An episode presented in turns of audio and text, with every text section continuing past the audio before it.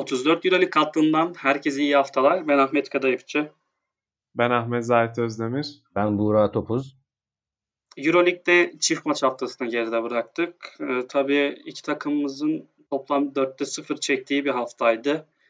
Ee, iki takımımız adına da kırıcı mağlubiyetlerdi ki bu bizim yani haftalık modumuzda düşürmüştü. Ee, Burak nasıl değerlendirirsin Efes'in iki maçını Teska'dan başlayarak? Neler oldu ya? Yani çünkü 30 35 farklı bitti bu maç. Hani hafta içinden beri herkes e, işte Shane Larkin, Mike James eşleşmesi yani tüm Avrupa bu eşleşmeyi beklerken hani ortaya bundan çok alakasız basit bir maç çıktı. E, neler demek istersin? Ya ben öncelikle şunu belirteyim. Geçen haftanın sonu yani bu haftanın başlangıcında hem kendi adıma hem de Efes adına bir değerlendirme yaptım. Dedim bu hafta gerçekten çok zor geçecek benim adıma. Hem dört tane sınavım var hem de Efes'in çok zorlu iki rakibi var. Yani dedim bu hafta gerçekten stres yani stres katsayısı çok yüksek olacak. Ama her şeye rağmen yani Efes'in bir ismi, bir kalitesi var. CSK zaten yani tartışmaya gerek yok. Merakla bekledim. Efes CSK maçını. Ve maçın sabahında da daha doğrusu öğlen vakti diyeyim. E, CSK'nın resmi Twitter hesabından bir görsel paylaşıldı, bir video.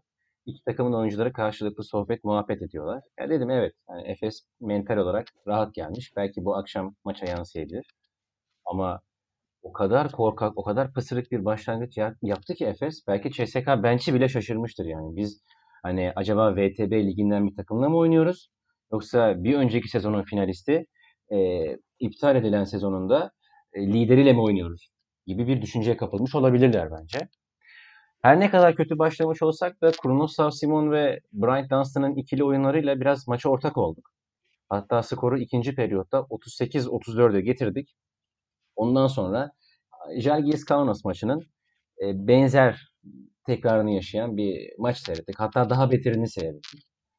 Hiç kimse takımda reaksiyon veremiyor. Ee, büyük umutlar beslediğimiz Shane Larkin, sen de bahsettiğin Shane Larkin, Mike James eşleşmesinde. Bir tarafa bakıyoruz Mike James yürüye yürüye basketbol oynuyor. Hiç zorlanmaları, sayıları, reboundları, e, saha görüşü her şey rahat. Hani hiçbir zorlanma yok. Ne Doğuş Balbay tarafından, ne Vasily Misic tarafından, ne Shane Larkin tarafından hiçbir şekilde savunmada rahatsız edilmiyor. Bir bakıyoruz Shane Larkin'e 20 saniye topu sektiriyor, bir ikili oyun arıyor, bir mismatch arıyor. Bulamadığı zaman bir takım arkadaşına veriyor son 3-4 saniyede ve top o arkadaşın elinde patlıyor. Devamında da ya tamam bu maçı bir kenara koyduk. İş kazası dedik. Ama bitmiyor gerçi bu iş kazaları. Hani Jalgiris maçı iş kazası, Baskonya maçı iş kazası, CSK maçı iş kazası. Bir de bir Milano maçı var. Yine çok kötü bir başlangıç. Yani ben hani tam skor olarak dengeli gitti ama yine de çok kötüydü. Ee, zaten bir ara fark 17 sayıya geldi. Ama 3. periyotta e, çok güzel bir geri dönüş oldu.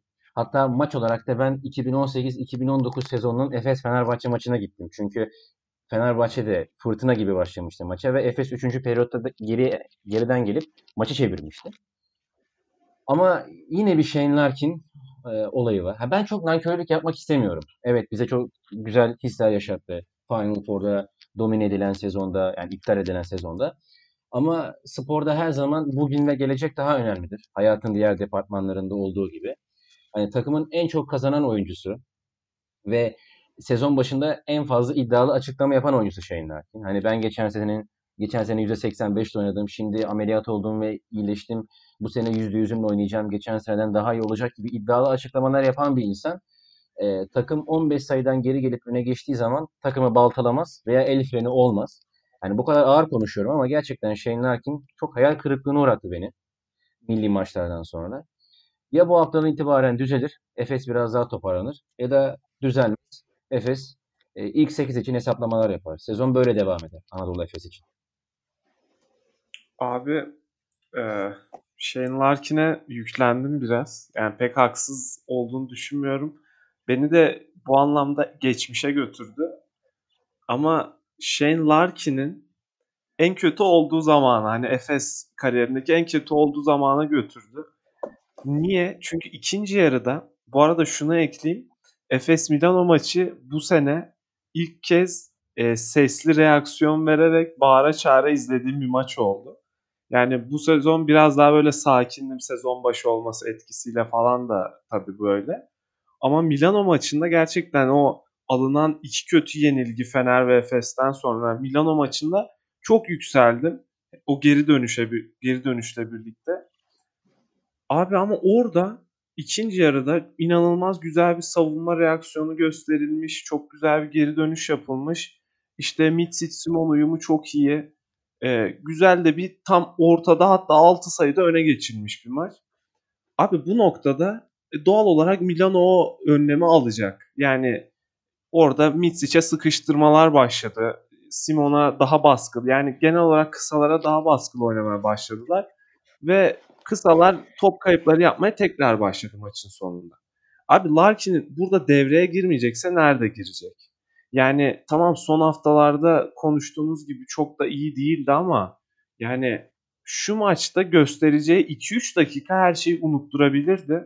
Kendisi adına da belki e, daha erken bir uyanış sağlayacaktı. Ama olmadı. Yani bilmiyorum e, sakatlıktan ilk döndüğünde sosyal medyada bir şeye tepki olarak şey demişti hani Nisan'da görüşürüz gibi.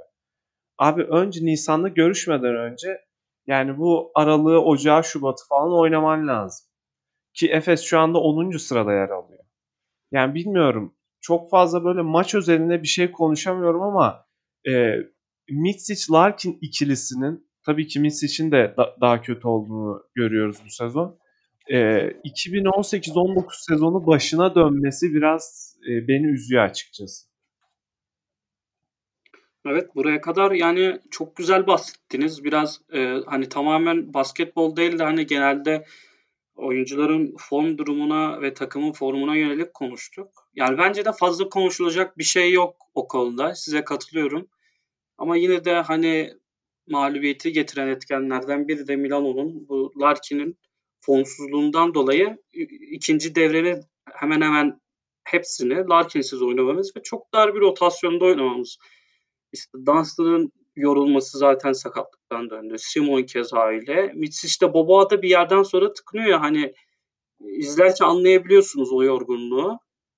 Yani böyle bir dar rotasyonda yorgunlukta da hani bir yere kadar Milano gibi bir takıma enerjiniz yetiyor yani. Çünkü enerji kısmında onlar e, yani maçın dengesini değiştirebilir yönleri. Hani Kyle Hines olsun pota altında tüm işleri değiştir. Bu arada Kyle Hines Milano'da en çok süre alan oyuncu bu maç üzerinde. 30 dakika oynamış. Bizde Dunstan neredeyse 37 dakika oynadı. Yani kısalarına bakıyorsunuz Kevin Panther 23 dakika oynamış. Malcolm Delaney 20 dakika oynamış. Ama etkilerine baktığınız zaman e, hem daha fazla hem de hani rotasyonla da Efes'i mağlup etti Milano. Biz geçen hafta yine konuşmuştuk bu rotasyon üzerine. Bu rotas, rot, hani Ergin Ataman'ın bu biraz da me- mecburiyetli olan bir şeydi. Hani rotasyon üzerinde geçen hafta konuştuklarımızın üzerine bir şey eklemek ister misin Zahit? Çünkü sen onun üstünde durmuştun. E, bu haftaki görüşlerini de merak ediyorum açıkçası. Abi rotasyon üstüne söylenecek bir şey yok. Çünkü e, neden yok? Ya, o kadar da bu hafta ortaya konulan oyun rotasyon yüzünden olmadı. Yani Ceska Moskova maçında zaten e, gerçekten maçta olmayan oyuncular vardı. Yani kimse maçın içinde değildi. İşte ilk yarıda bir Kurnoslav Simon'un bir hücumda bir kıpırdanması vardı evet. Ama Ceska maçına zaten bunu konuşacak bir şeye gerek yok. Milano maçına gelince de Ergin Ataman o reaksiyonu almadığı sürece oyuncuları oynatmama tercihinde bulundu ki bu hafta onu hiç eleştirmiyorum bu konuda. Çünkü e, bariz bir şekilde dezavantaj yaratınca bir oyuncu e, Milano gibi bir maçı da kazanmak isteyince neden onu oynatsın? Şimdi ilk yarıda zaten e, aslında maç sonu açıklamasında da ondan bahsetti. İlk yarıda işte Plyce'ın e, birkaç dakika oyuna girmesi sonrasında seri yemesi Efes'in önemliydi. Şimdi bunu ikinci yarıda denemek istemedi. Ki baktığımız zaman denemek istememesinin tek sebebi hani o oyuncuların performans gösterememesi değil. Gerçekten sakatlıktan dönen bir Plyce ve yani hastalıktan, Covid'den dönen bir Plyce var. Hani onun negatifliğini şey yapabilirsin, anlayabilirsin. Ama rotasyon anlamında eleştirmekten ziyade hani o az önce konuştuğumuz Larkin eleştirisine gelmek gerekiyor bence. Onun haricinde de hani e, bilmiyorum Ceska maçındaki görüntü beni çok üzdü ya. Hani Milano maçındaki o ikinci yarıdaki geri dönüş bile onu unutturmadı bana. O yüzden rotasyondan ziyade ben oyuncuların bunu istemesine istemesi gerektiğini düşünüyorum. Hedef olarak da bilmiyorum bence Ergin Ataman şu anda kafasında Ocak ayını bir hedef olarak seçecek. Yani e, aralığı seneyi Barcelona ve Real Madrid maçlarıyla kapatacak Efes. Ama Ocak ayında Asvel, Alba, Kimki, Zenit, Kızıl Yıldız, Makabi yani e, ilk 6'da ilk 7'deki takımlarla oynamayacak en azından.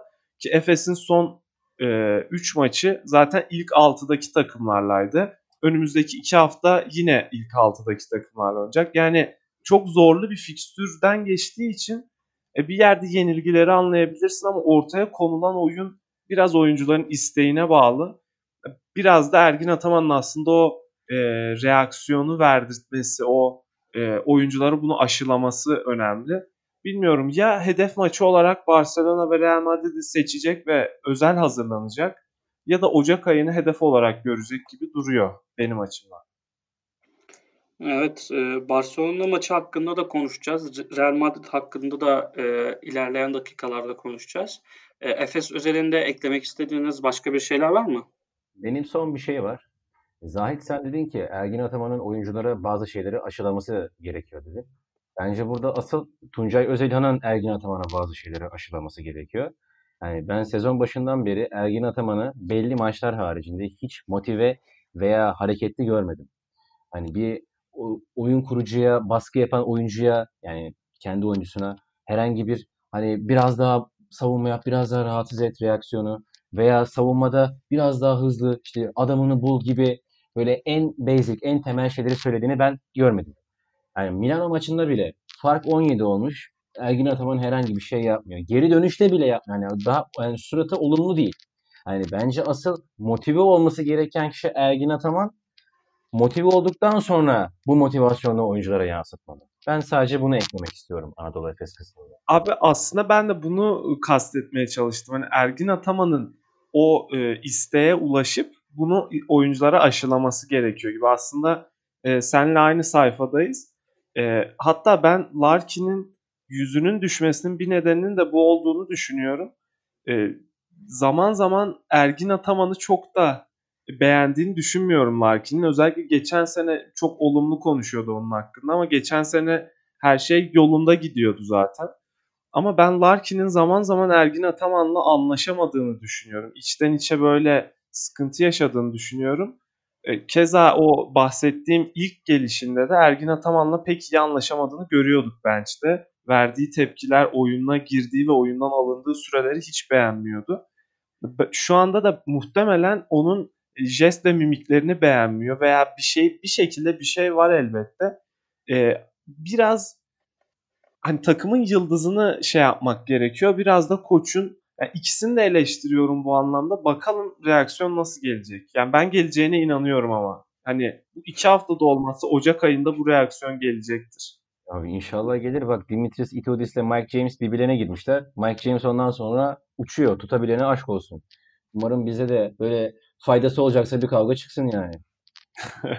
Kesinlikle abi. Ya koç eleştirilerinizde ikinize de katılıyorum.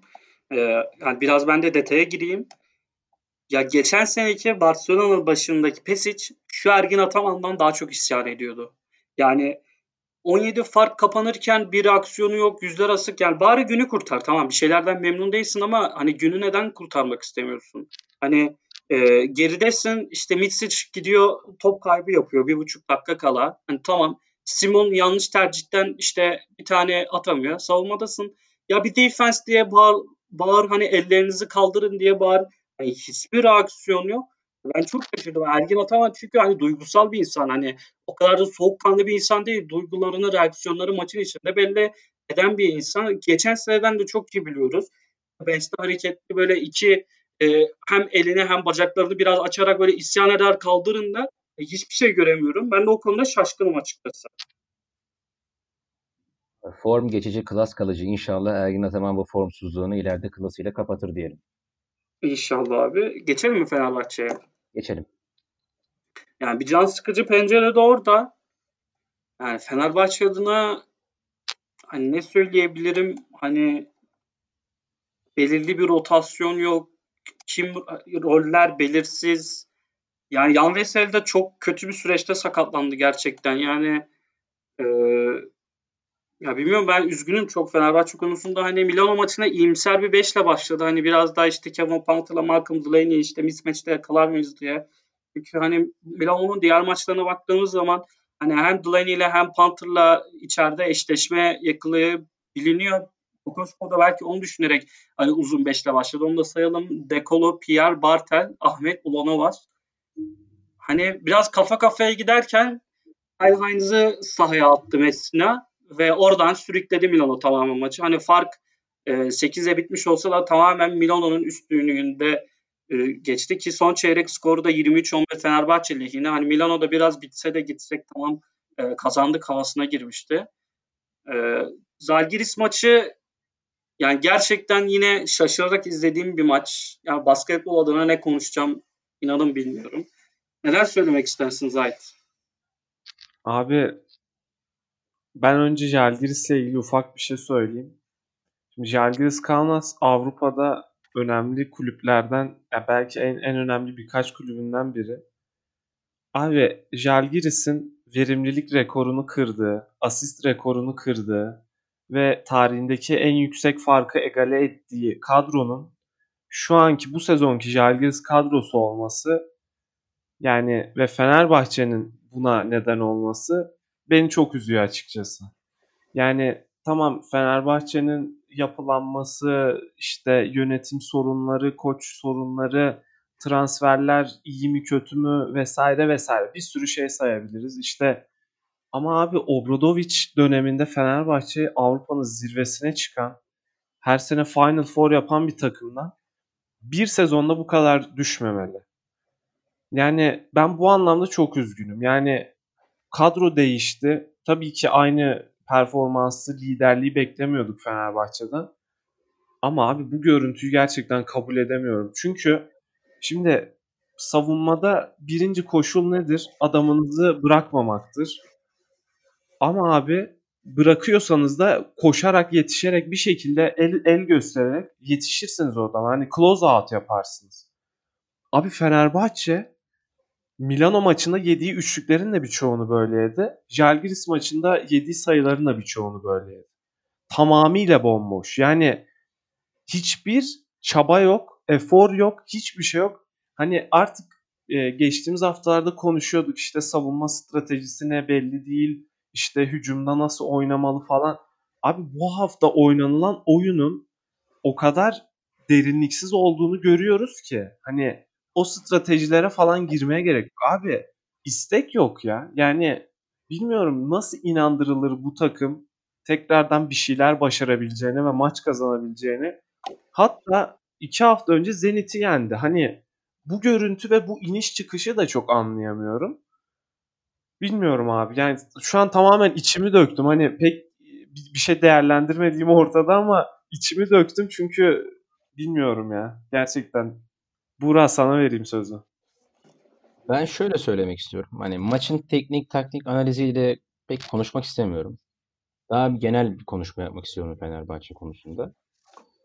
Sen daha önce yani 5 dakika önce çok güzel bir özetleme yaptın Fenerbahçe ile ilgili. Obradoviç döneminde 5 sene üst üste Final Four, 3 sene üst üste final, 2017'de gelen şampiyonluk ki 16'da ve 18'de kaçan şampiyonluklarda kimisi hakem hatası, kimisi de çok basit hatalar.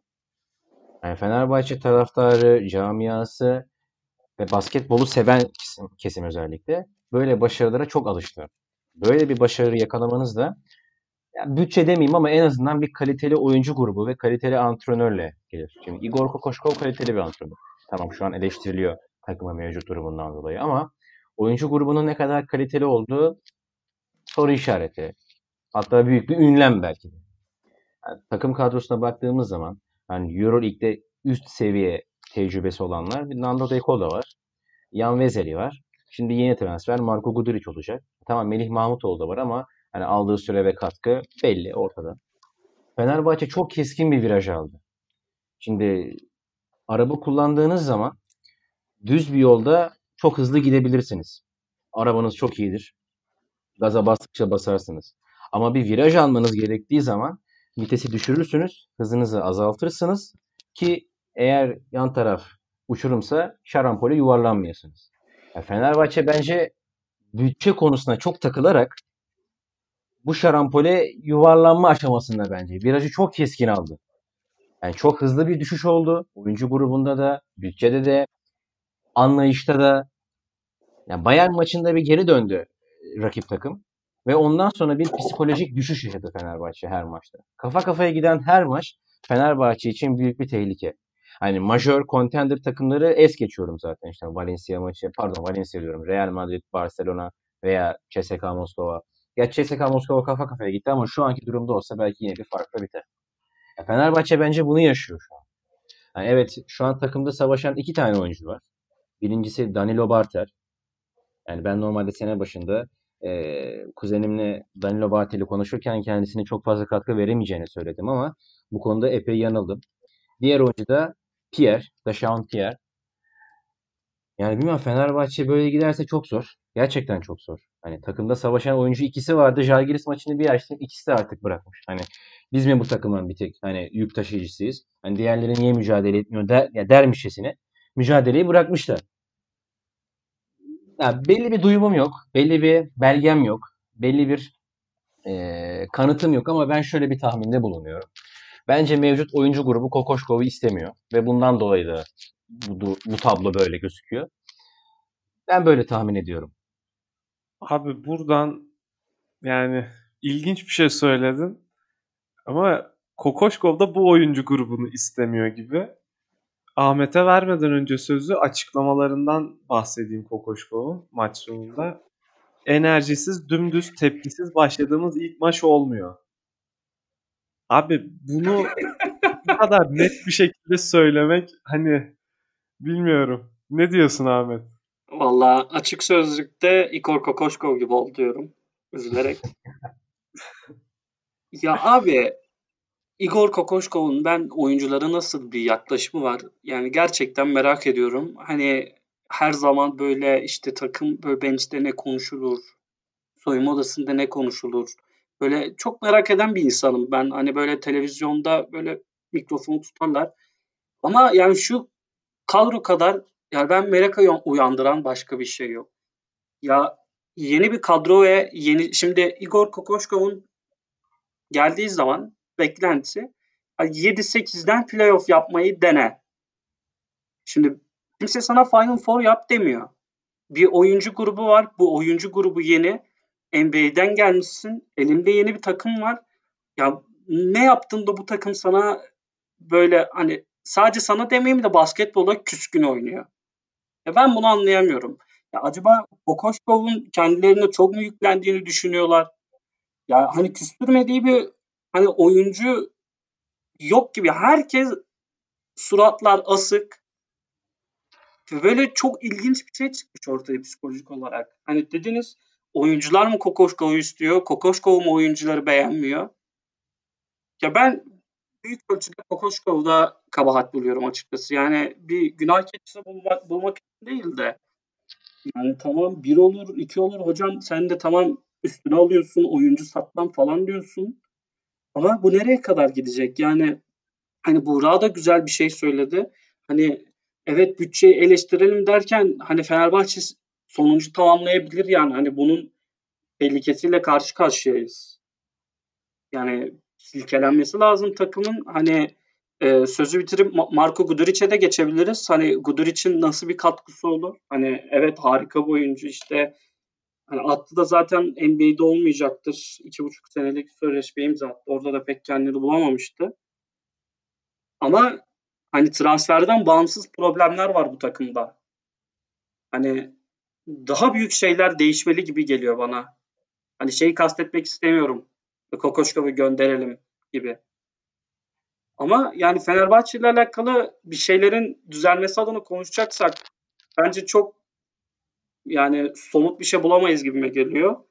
Hani eklemek istediğiniz bir şey var mı? Hani ben dediğim gibi yani şaşırıyorum yani. Sadece şaşırıyorum. Ben Abi Hı, söyle Zahir. evet. Ee, şöyle söyleyeyim. Somut bir şey var mı deyince aslında somut düşündüm Hani somut ne var Fenerbahçe'de diye. Fenerbahçe'nin olması, oynaması gereken rotasyon ne diye düşündüm. E, tabii ki buradan e, buradan zaten geçebiliriz transferlere ve haberlere.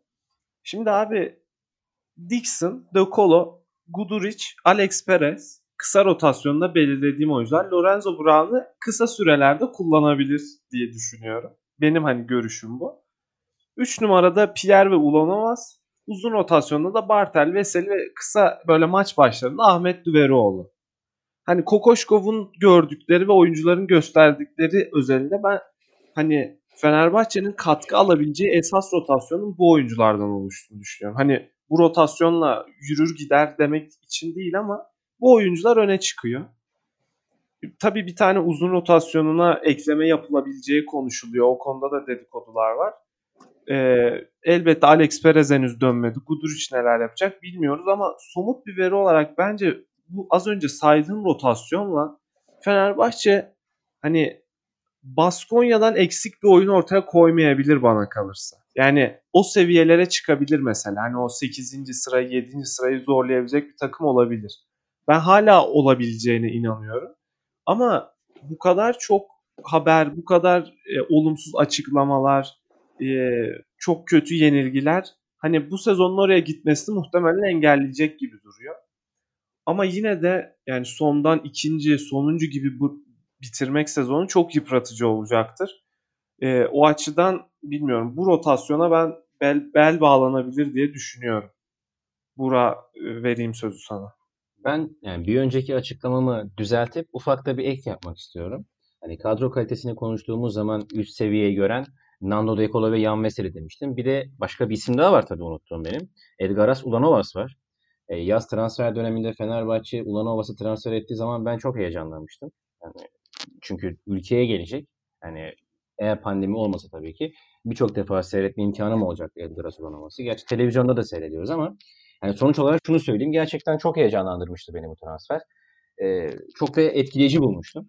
Ama ondan bile katkı alamıyor Kokoşkov. Yani bence e, çok kötü bir durumda, evet çok kötü bir durumda ama çok kötü bir takım değil Fenerbahçe. Tamam kadro kalitesi çok düştü evet. Çok keskin bir düşüş oldu. Ama sene başında biz çok farklı şeyler konuşuyorduk Fenerbahçe ile alakalı. İşte Efes'i yendiği zaman, Kızıl Yıldız'ı yendiği zaman, e, CSK'yı elinden kaçırdığı zaman, Bayern maçında o geri dönüşe kadar gerçekten savunmada çok dirayetli, rakibine kolay sayı imkanı vermeyen, çok fizikli, atletik ve savunmada gösterdiği bu performansın üstüne yarı sahayı hızlı geçip hücumda çok seri ve çok atik bir takım görüntüsü veren Fenerbahçe vardı. Ama şimdi son dönemde özellikle o İspanya turnesinden sonra gerçekten çok yıpranmış ve savunmada artık takati kalmayan bir Fenerbahçe izliyoruz. Yani Fenerbahçe'nin bence bu öze geri dönmesi lazım bu kadro üzerinde. Yani savunmada gerçekten rakiplerini yıpratıp aldığı hücum reboundlarıyla veya rakiplerine yaptığı top kayıplarıyla, rakiplerine yaptırdığı top kayıplarıyla hücumda daha seri olması lazım. Yarı sahayı daha hızlı geçmesi lazım ve özellikle Gerald Eddy ve daha benzeri şutörlerle kadrodaki rakibini cezalandırması lazım diyelim ve isterseniz haberlere geçelim. Fenerbahçe Abi kısaca şunu söyleyeyim e, yaptırdığı top kayıplarıyla ilgili e, bu konuda Fenerbahçe'nin oynaması gereken bu oyun olduğu için e, bu istatistiği merak ettim ve Fenerbahçe bu anlamda ligde 10. sırada. Fenerbahçe şu kadroyla başarılı olabilmesi için rakibe yaptırdığı top kayıpları hani ilk 5'te falan olmalı derece açısından. Şu anda 10. sırada. Yani bunu merak ettim onu da paylaşayım istedim şu anda. Ee, Guduric abi. Ahmet ne bekliyorsun Guduric'ten? Abi Guduric tabii ki bir enerji getirecek yani hani e, Fenerbahçe'ye bıraktı, bıraktığı haline baktığımız zaman kısa rotasyonunda e, hücumda gayet etkili kullanabileceğiniz bir silah. İşte Fenerbahçe'nin 3 ve 3 2 3 numaradan aldığı 3 sayı katkısını artıracaktır. E, yani güzel olacak hani Guduric hani çok daha keyifli olacak Fenerbahçe. Hani ben biraz olumsuz bahsettim Fenerbahçe'den ama hani keyif alarak izlemeye çalıştığım bir takım. İşte hani Buğra da dedi hani sezon başında işte hani ilk dört haftadan sonra daha farklı şeyler hani konuştuk. Böyle işte Ceska'yı az kalsı yeniyordu takım falan. Hani Guduric'den o, o yanda nasıl bir beklentim var? Bence rotasyon daha net olacak. roller daha belirli olacak. Hani kim nerede ne zaman girecek? Bu konuda hani Gudur için garanti bir isim olması ilk 5'te, maç 5'inde de hani biraz rotasyona yarayacaktır. Çünkü hani demiştim e, kimin oyuncular da kendi rolünü nerede ne yapması gerektiğini artık hani bilemiyor. Çünkü çok değişik beşlerle oynuyor. Ondan dolayı e, biraz oraları toparlayacaktır Guduric. Hani Fenerbahçe'de kolay denilebilecek bir fikstüre giriyor. Hani orada da Guduric'in takımda yarattığı bir enerjiyle hani burada hani dörtlü üç geçilmesi hani takımdaki psikolojiyi tekrar yükseltecektir. Ben Ahmet'e katılmıyorum bu konuda. Guduric transferinde. Evet. E, NBA'ye gitmeden önce Fenerbahçe'nin çok önemli bir skoreriydi. Bir NBA tecrübesi de var. Ama ben e, kısa rotasyonun daha da şişeceğini ve bir karmaşa yaratacağını düşünüyorum Guduric transferinin. Guduric transferinden önce verim alınmayan veya oynatılmayan Hamilton'la yolların ayrılıp uzun transferine bence bir an önce bitirilmesi gerekiyordu. Ya, tabii ki Kokoşkov'un oyun planında daha farklı şeyler vardır. Guduric ile belki başka bir hücum repertuarına geçiş yapacaktır. Orasını bilemeyeceğiz. Oraya artık ilerleyen süreçlerde fark edeceğiz. Ama e, NBA'de özellikle hani pandemi öncesinde de çok fazla rotasyon içinde yer almayan ve istediğini elde edemeyen Guduric'den ziyade biraz daha beklenip biraz daha sabredilip NBA piyasasında kendine yer edinemeyen, kötü takımda oynasa bile aktif olarak bir şekilde süre bulan veya atletizmi biraz daha ön planda olan, şutu biraz daha ön planda olan, hani Guduric çok yönlü bir oyuncu. Ama biraz daha takıma bu ivme kazandıracak e, bir Amerikalı oyuncuya da gidebilirdi bence Fenerbahçe. Yani zaten yeteri kadar kumar oynadı. Yani bu kumarı da oynayabilirdi bence bu sezon. Yani ben Gudur için tamam iyi bir transfer evet. Background'u, referansları iyi ama Fenerbahçe'nin asıl ihtiyacı mı? Bence büyük bir soru işareti. Abi bu konuda şunu söylemek lazım. Ee, Guduric 3 yıllık yani 2023 sezonunun 2022-23 sezonunun sonuna kadar anlaştı Fenerbahçe ile. Yani sezonun e, gidişatını değiştirmenin yanında e, biraz da hani bu e, kulüpte kalması açısından bir anlaşma teklif edildi ona. Yani onun da bilmiyorum bil, bence yazın böyle şeylerin düşünülmesi gerekiliyor. Yani şu şu anda e, belki bu ya, sarı miras, Yellow Legacy muhabbetine mi artık e, gaza mı gelindi bilmiyorum. Ama bence Guduric'de bu kadar uzun bir sözleşme imzalamanın pek de gereği yoktu. Çünkü Guduric e, Obradovic döneminde fazlaca yaratıcı oyuncu olarak denenmiş ama yaratıcılık pozisyonunda çok da etkili olamamış bir isim. E, elbette e, zaman zaman geri dönüşlerde olsun, maç sonlarında olsun çok kritik oynadığı, katkı verdiği maçlar var. Hani şut açısından ve rotasyon açısından katkı sağlayabileceğine inanıyorum ama e, az önce hani rotasyonu saydım. Bana göre o, olması gereken rotasyonu. Burada ben e, Eddie'ye ve Hamilton'a yer vermedim. Westerman'a yer vermedim ve Brown'u da yer verirken çok düşündüm. Ama en azından e, Brown'un e, bir şekilde burada kararları çok sorgulansa da e, oyuna ve takıma inancı sağlanarak en azından savunma katkısı alınabileceğini düşünüyorum onda. Ki bir numarada da hani Dokolo'nun bir numarada çok verimli olmadığını görüyoruz. E, Guduric böyle bir katkı sağlayamayacak. E, Alex Perez hala dönmedi. Bilmiyorum belki bu hafta ya da sonraki hafta dönecektir. Hani Fenerbahçe'nin esas sıkıntısı aslında bence e, point guard pozisyonuyla 5 numarada senin dediğin gibi Bora. E, bu noktada da bilmiyorum yani Guduric eklemesini hem beğendim bir açıdan. Çünkü takımda da bilinen e, tanıdık bir sima. Ama ne kadar ilaç olur yaralara bilmiyorum. Ahmet sen bir şey der misin benim kontrama? Ya abi kontrana yani bence daha garanti bir isim. Yani sen oraları daha da karıştıracağını düşündün ama hani orada bir belirsizlik var. Ben Gudur için e, bir belirliliğe yol açabileceğini düşünüyorum. Hani bence orada daha net bir isim olacaktır. Hani kim bench'ten gelecek, kim ilk 5 başlayacak. Hani orada dediğim gibi bir ya bence Dekolo'yu da rahatlatacağını düşünüyorum ben. Çünkü hani Lorenzo Brown'un dış şut tehdidi o kadar hani tehlikeli değil biliyoruz. Ya ben Gudur için iyi olacağını düşünüyorum ya. Öyle diyeyim. Ben o zaman son bir Bakalım abi zaman gösterecek tabii. Ben son bir şey söylemek istiyorum. Genel anlamda hani sadece Guduric özelinde değil. Ee, bir laf vardır hani bir şeyin azı karar, çoğu zarar diye. Şimdi Fenerbahçe geçtiğimiz ay oyuncu izleme komitesine Zarko Çaparkapa diye bir e, ismi getirdi. Kendisi Evet. eski eski bir basketbolcu, NBA patentli ve daha önce de ABA Lig yani Adriyatik Ligi'nde de önemli pozisyonlarda görev almış. Belli bir reputasyonu ve network'ü olan bir insan. Şimdi ben kendi özelimde de bir şey söyleyeyim. Ben normalde böyle Yugoslav kökenli basketbol adamlarına, oyuncularına pozitif ayrımcılık yapan bir basketbol severim. Hani Amerikalılar veya diğer e, oyunculardan ziyade Yugoslav kökenli oyuncuların daha becerikli, akıllı olduğunu düşünüyorum. Yani bu bir görüş.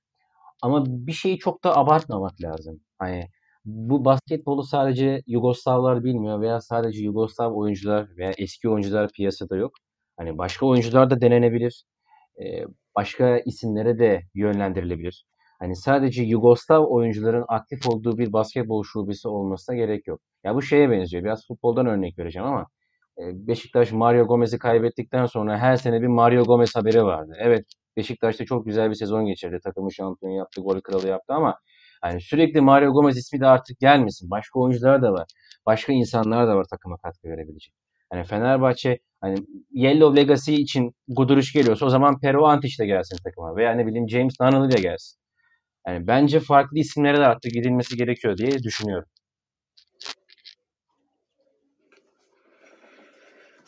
Evet abi yani umarız takım bir kimya tutturur diyelim yani bu belirsizliklerden kurtulur diyerek eklemek istediğiniz bir şey var mı? Benim yok Fenerbahçe Abi. konusunda. Benim de bu kadar Fenerbahçe hakkında. Haftanın flash galibiyetlerinden biri Maccabi Barcelona'ydı. Yani e, yani Maccabi o kadar güzel bir savunma yaptı ki hani düşük skorlu bir maçta Maccabi'nin savunmasını izlemek çok keyifliydi. E, yani ben detaya girmeden önce Bora sana sözü vermek istiyorum. Yani Barcelona'da şimdi Brandon Davis yoktu. Otelo Hunter'ı ve Dragan Bender'ı orada pek tutamadılar. Yani Roland Schmidt Stovic ne kadar çabalasalar da hani Mirotic de biraz kendini sakınan bir oyuncu savunmada. Yani neler söylemek istersin? Hani Maccabi o beklediğimiz çıkışa geçiyor mu? Ya Maccabi de Efes ve Fenerbahçe'ye kıyasla ya gerçekten standart sapması çok yüksek bir takım. Hani bugün e, Barcelona'yı deplasmanda yenip evinde belki Žalgiris'e falan yenilebilir yani. O yüzden Maccabi ile Abi, ilgili bir öngörüm yok maalesef. Asfal'e yenildiler zaten ya. Ya bak Evet, işte o da çok garip. Evet. çok standart sapması yüksek bir takım. O yüzden Ben Maccabi hani sözünü bölüyorum. Ya bu maçı izledikten sonra dedim ki ya Maccabi ne yaptı da Asvel'e yenildi? Müsait olunca o maçı da bir izleyeyim. Ya gerçekten standart sapması çok yüksek. Abi bu maçtan sonra ben Asvel maçıyla ilgili bahsedeyim. Buğra devam etsin. Ha, sen söyle istersen ben devam edeyim sonra. Yok abi bu maçtan başladık. Ha, tamam, Sen Barcelona tamam. Maccabi'yi konuş. Ya şöyle senin dediğin gibi Brandon Davis'in yokluğunda Roland Schmitz ve Artem Pustovic'i çok fazla kullanmaya çalışıyorlar. Özellikle ikili oyunlarda e, Pustovic oynamadan Schmitz oynadığı zaman sürekli bir switch vardı Smith, e, Smith varken. Ha, Pustovic varken biraz daha e, ikili oyunlarda alley-oop'u veya boyalı alanı daha fazla kullanmaya çalıştılar. Hatta Mirotic'i de çok fazla kullanmaya çalıştılar. Yani bütün oyuncuları forvete çekip 3 saniye bölgesinde e, Mirotic'i ya Elijah Bryant'la ya da Angelo Caloairo'yla bırakmaya çalıştılar ama e, bir türlü o istenen basketi bulamadılar. istenen ritmi bulamadılar. Bir isme daha ben parantez açmak istiyorum. Kyle Kuric normalde Fenerbahçe maçında son periyotta üst üste 6 tane üçlük atan oyuncu. Maccabi maçında o ceza şutlarını bir türlü e, isabete çeviremedi ve Maccabi'nin direncini kıramadılar. Hücumda da-. Ben de çok şaşırdım yani. Bomboş şutlar kaçırdı Kyle Kuric. Hatta imza şutlarını bile kaçırdı perde üstünden attı. Hücumda da ne Will Beck'in ne Tyler Dorsey ne de senin dediğin gibi Dragan Bender hiç geri adım atmadılar. Otelo Hunter kısalar karşısında çok iyi kaldı Sivic savunmada. Bu aslında e, Anadolu Efes'e bir referans olması lazım. Yani Olympiakos kendi sahasında Real Madrid'i elinden kaçırdı uzatma sonucunda. Yani Maccabi deplasmanda Palau Blaugrana'da Barcelona'nın sahasında sabrederek, oyundan kopmayarak, geri düşse de panik yapmayarak hiçbir şekilde maçın içerisinde kaldı ve fırsatları değerlendirerek maç sonunu iyi oynadı ve istediği galibiyeti elde etti. Yani önümüzdeki iki hafta Barcelona ve Real Madrid maçı var Anadolu Efes'in. Dediğim gibi bir referans olması lazım. Abi e, bu konuda kesinlikle katılıyorum. Ama şunu da eklemek lazım. Maccabi'nin muhtemelen maç sonunu iyi oynadı. Tek karşılaşma bu. Yani bu sezon tamamıyla maç sonlarına kaybettiler neredeyse. Ben de dediğim gibi ufak bir Asvel maçına değineyim. Çünkü e, Maccabi bu maçta Barcelona'yı 67 sayıda tuttu. Ama Asvel'den 84 sayı yerken 66'sını ikiliklerden yedi ve bu sezon e, bir maçta atılan en çok ikilik sayısı bu. Yani Asvel bu anlamda hani özellikle ilk yarıda inanılmaz. Tamamen bomboş turnikeler üstünden, tamamen çok kolay post-up'lar üstünden sayılar buluyordu Makabi'ye karşı. Ki Makabi'nin pota altı savunması çok kötüydü sezon genelinde. E, bu maçta e, özellikle deplasman turnesindeyken böyle bir reaksiyon verebilmek çok değerliydi. E, bilmiyorum yani Barcelona'ya karşı Efes bunu gösterebilir mi? Bu arada Brandon Davis ile ilgili bir haber var mı? Yani Efes maçında olacak ya da olmayacak gibi. Herhangi bir fikrim yok benim maalesef. Ben de bir duyum alamadım. Ee, eğer Brandon Davis'in e, yokluğu söz konusuysa yani Efes için iyi olacaktır. Çünkü Plyce'ın o maçta da çok e, ritimde olamayacağı öngörülebilir. Bilmiyorum Plyce Barcelona sakat maçı Nasıl? sakat. Plyce sakat. Ayak tarak kemiği kırılmış o yüzden oynamayacak bir, uzun bir süre. o evet doğru doğru o öyle bir sakatlık yaşadı. Abi Efes adına bilmiyorum ya. Yani şu an bu, bu haberi hatırlattın. E, daha da bir karamsar bir bakış açısına sürüklendim ben. Ya ben de tam Plyce daha rahat oynayacaktır. Brandon Davis yokken süre alabilecektir diye düşünürken hani dediğiniz gibi ben de haberi hatırladım maalesef. Ben şöyle bir bakış açısı kazandırmaya çalışıyorum Plyce özelinde. Evet karşısında özellikle savunma anlamında çok yıpratıcı bir oyuncu olmayacak. Ama Valencia maçından bir örnek vermek istiyorum. Hani Mike Toby veya Boyan Dubljevic e, Brandon Davis'e veya diğer pivotlara kıyasladığımız zaman çok sert veya çok yıpratıcı uzunlardı. Tamam Boyan Dubljevic var ama o maç özelinde çok iyi değildi. Mike Toby de e, ikinci sınıf bir pivot diyebiliriz Euroleague özelinde. Burada rakiplerin nasıl bir oyun tercih edeceği önemli. Yani özellikle Tibor Plyce üzerinden bir ikili oyun oynayacaklarsa tepeden veya yüksek forvetten Plyce çok yavaş kalıyor. E, bir switch savunma yapmadığımız zaman da kısa oyuncular ya şut imkanı buluyor ya penetre imkanı buluyor ya da devrilen oyuncuyu çok iyi bulabiliyorlar. Yani bence Plyce'ın özelinde e, rakip takımda hangi pivotlar var bunu düşünebiliriz. Evet ama bundan ziyade rakiplere nasıl bir sistemle oynayacağı önemli Plyce varken. Ya bence çok büyük bir dezavantaj değil. Eğer orada Brian Johnson ve Chris Singleton'ı 5 numarada iyi kullanabilirsek, hakeza Sertaç'ı e, çok da bir dezavantaj yaratmayacaktır bence.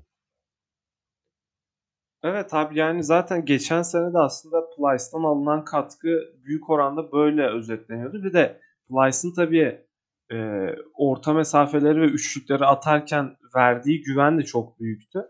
İşte bu sezon gerçekten bir türlü beli doğrulamadı Efes'in. Çünkü çok fazla sakatlık, çok fazla hastalık yaşandı. Yani bu anlamda e, hani bir oyuncunun ritmini konuşurken takım genelindeki diğer oyuncuların da yokluğu, varlığı çok etkiledi. Ya o yüzden de bilmiyorum yani olumsuz konuşuyoruz elbette isteksizlikten ötürü yani. E, ama bir yerde de anlaşılabilir durumlar da var ortada. Bilmiyorum ama Barcelona maçı için ben şeyim karamsarım. Yani sene sonuna kadar karamsarım. Hatta arada bir Fenerbahçe maçı var. Fenerbahçe'nin bu durumuna rağmen ben Efes'in o maçta bile mağlup olacağını düşünüyorum. O derece. Ya çünkü bu uzun rotasyonu gerçekten hani Bryant Johnson'ın tek başına yüklenebileceği bir şey değil. Hani Bryant Johnson'da insan yaşı belli, yıpranma kat sayısı belli. Yani oraya bence kesinlikle bir takviye yapması lazım Efes'in. Hani piyasada kim var bilmiyorum. Mesela benim ilk aklıma gelen isim belki şaşırabilirsiniz. Jonah Bolden. Hani Maccabi'den Philadelphia'ya gitmişti. Şu an boşta.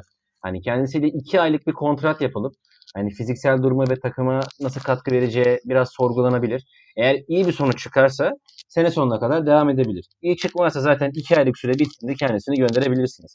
Bence böyle kısa süreli kontrat içeren bir oyuncuyu getirip bu kumarı oynayıp aradaki boşluğu bence değerlendirebilir Efes. Abi eee Efes'te sene başında en çok vurgu yapılan şey takım kimyasıydı ve bir ekleme yapmanı, yapmamalarının nedenini hep böyle açıklıyorlardı. Tabii yani şu anda süreç daha farklı ilerledi. Ama ben yine de bir ekleme yapılacağını düşünmüyorum Efes'te. Evet benim tavsiye zaten illa yapılsın veya hani yapılması zorunda keşke yapsalar ve herhangi bir duyum yok zaten bununla ilgili. Ya ben sadece bir fikir, bir tavsiye açısından söyledim bunu. Fenerbahçe yorum alır ya. Yani hani Efes mi Fener mi alsın derseniz bence Fener'in acil alması gerekiyor. Yani Veseli yokken darmadan yani iç savunması, kısayı karşılama savunması. Zaten topa umarım baskı Fenerbahçe alır. Şey, topa baskının bir haberi var. Hani üç tane isimle görüşüldüğünü söylemişlerdi. Eric Mika, Luis Laberi ve Jeremy Evans. Hani hangisi derman olur, hangisi pansuman yapar? Vallahi hiçbir fikrim yok ya. Gerçekten. Ne Üçünün de ben çok etkili olacağını gel. düşünmüyorum. Efendim? Evet, evet. Ne olursan ol yine gel diyorum ya. Yani Fener'in şu an oraya öyle bir ihtiyacı var. Abi bence oraya bu üç isimden herhangi biri gelirse yani daha kötü olur ya. Ne olursan ol yine gel değil. Gerçekten tam olarak o işler üçünü de hani şey sarpa yapmak istemedim. Hani böyle fark etmez değil de hani acil oraya transfer şeklinde revize edeyim. Ya dediğin gibi yoksa haklısın. Ya tutulabilecek kumarlar da olur. Mesela 2016-2017 sezonundan da bir örnek vermek lazım. Ee, Sibona Zagreb'de coşturan istatistikleri alt üst eden bir Ante Žižić vardı. Daçka'ya transfer oldu. Oradan NBA'ye gitti. Hani illa Euroleague düzeyinde bir transfer şart mı? Sezon ortasından bahsediyorum. Hani yok eğer başka liglerde çok formda bir oyuncu varsa bunu kadroya katabilirsiniz. Ama ne kadar tutar muamma tabii ki. Ee, ya gerçekten çok büyük bir soru işareti Fenerbahçe'nin durumu. Yani kim gelirse uyum sağlar mı sağlamaz mı? Takım kimyası bozulur mu bozulmaz mı? Ne kadar katkı sağlayacak? Gerçekten kocaman bir soru işareti Evet. kesinlikle abi. Yani ne beklenir şu saatten sonra yani çok da şey beklenmez elbette bu sezondan ama bilmiyorum en azından ben o e, Fenerbahçe'nin son 3-4 sırada yer almaması gerektiğini düşünüyorum. Yok ya. istiyorum en azından. Bence bu kadar yani karamsar olmayın ya. Hani hem Efes hem Fener konusu. Evet Efes'in ben şöyle karamsardım. Hani biz Efes'i hep ilk 3 sırada konuşmaya alıştık son bir buçuk senedir. Hani 7-8 biraz Efes için kötü. Yani Fenerbahçe için de ben hani o kadar dip sıralarda bitireceğini hiç düşünmüyorum. Evet bir buhran var, bir problem var ama yani çözülebileceğini düşünüyorum ben. Yani bu kadar evet kötü soru işareti bunları birleştirdiğimiz zaman bu ihtimali konuşabiliriz ama ben Fenerbahçe'nin öyle sondan üçüncü, sondan ikinci yani buralarda bitireceğini düşünmüyorum kesinlikle. Ne Efes'in ne Fenerbahçe'nin. Abi Fener'le şöyle ekleyeyim. Yani Efes'in zaten Efes'le ilgili karamsarlığım sadece Barcelona maçı özelinde onu söyledim. Hani dediğim gibi Barcelona Real Madrid maçı ne olursa olsun Ocak ayında bir reaksiyon gelip e, işlerin yoluna konacağını düşünüyorum ben. E, Fenerbahçe konusunda da hani daha ziyade şu ana kadarki oyundan bahsediyorum. Hani şu an sondan ikinci yer almasından. Hani sezon sonunda oralarda yer alacağına pek ben de inanmıyorum. Bir şekilde daha üstlere çıkılacaktır. E, hatta işte bu rotasyonu kafamda e, sürekli düşünmemin nedeni de bu. E, bu bir, bir anlamda belli oyuncular gözden çıkarılıp eklenerek e, olacaktır. Ama sona 3-4 dememin sebebi o oralardaki şeyler çok yakın e, galibiyet sayıları. Hani öyle görünebilir. O yüzden öyle söyledim. Ben de şöyle ekleyeyim. Ee, yani Fenerbahçe'nin mağlubiyetlerinin kazandığı maçlara göre daha fazla yankı uyandırması. Hani bir standarda göre kazanıyor ama e, kaybettiği maçlar yani çok soru işareti. Hani kaybediş şekli biraz aykırı olduğu için ben hani acaba belki böyle giderse sonuncu mu olur, sondan ikinci mi, üçüncü mü olur diye şeklinde. Valla Makabin Barça derken Efes'in uzunları, Fener'in uzunları, Fener'in geleceği e, bayağı uzatmışız. Eklemek istediğiniz bir şey var mı? Benim şu an yok abi. Benim de yok abi. İçimizi döktüğümüz bir program oldu yani. Kesinlikle. Zahit'cim kapatmak ister misin? Bu haftalık sana bahşedeyim bu şerefi. Gerçi Çok sen genelde kapatıyorsun.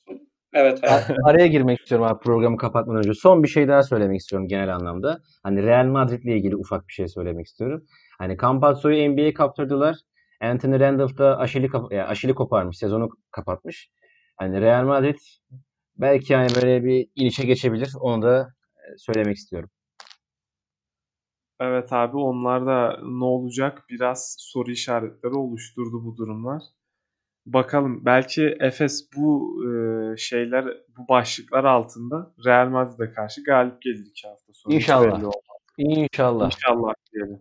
İnşallah abi. Evet. Çok üzüldüm ya bu arada. Yani çok beğendiğim bir oyuncu. Randolph Aşil tendonunu kopardı.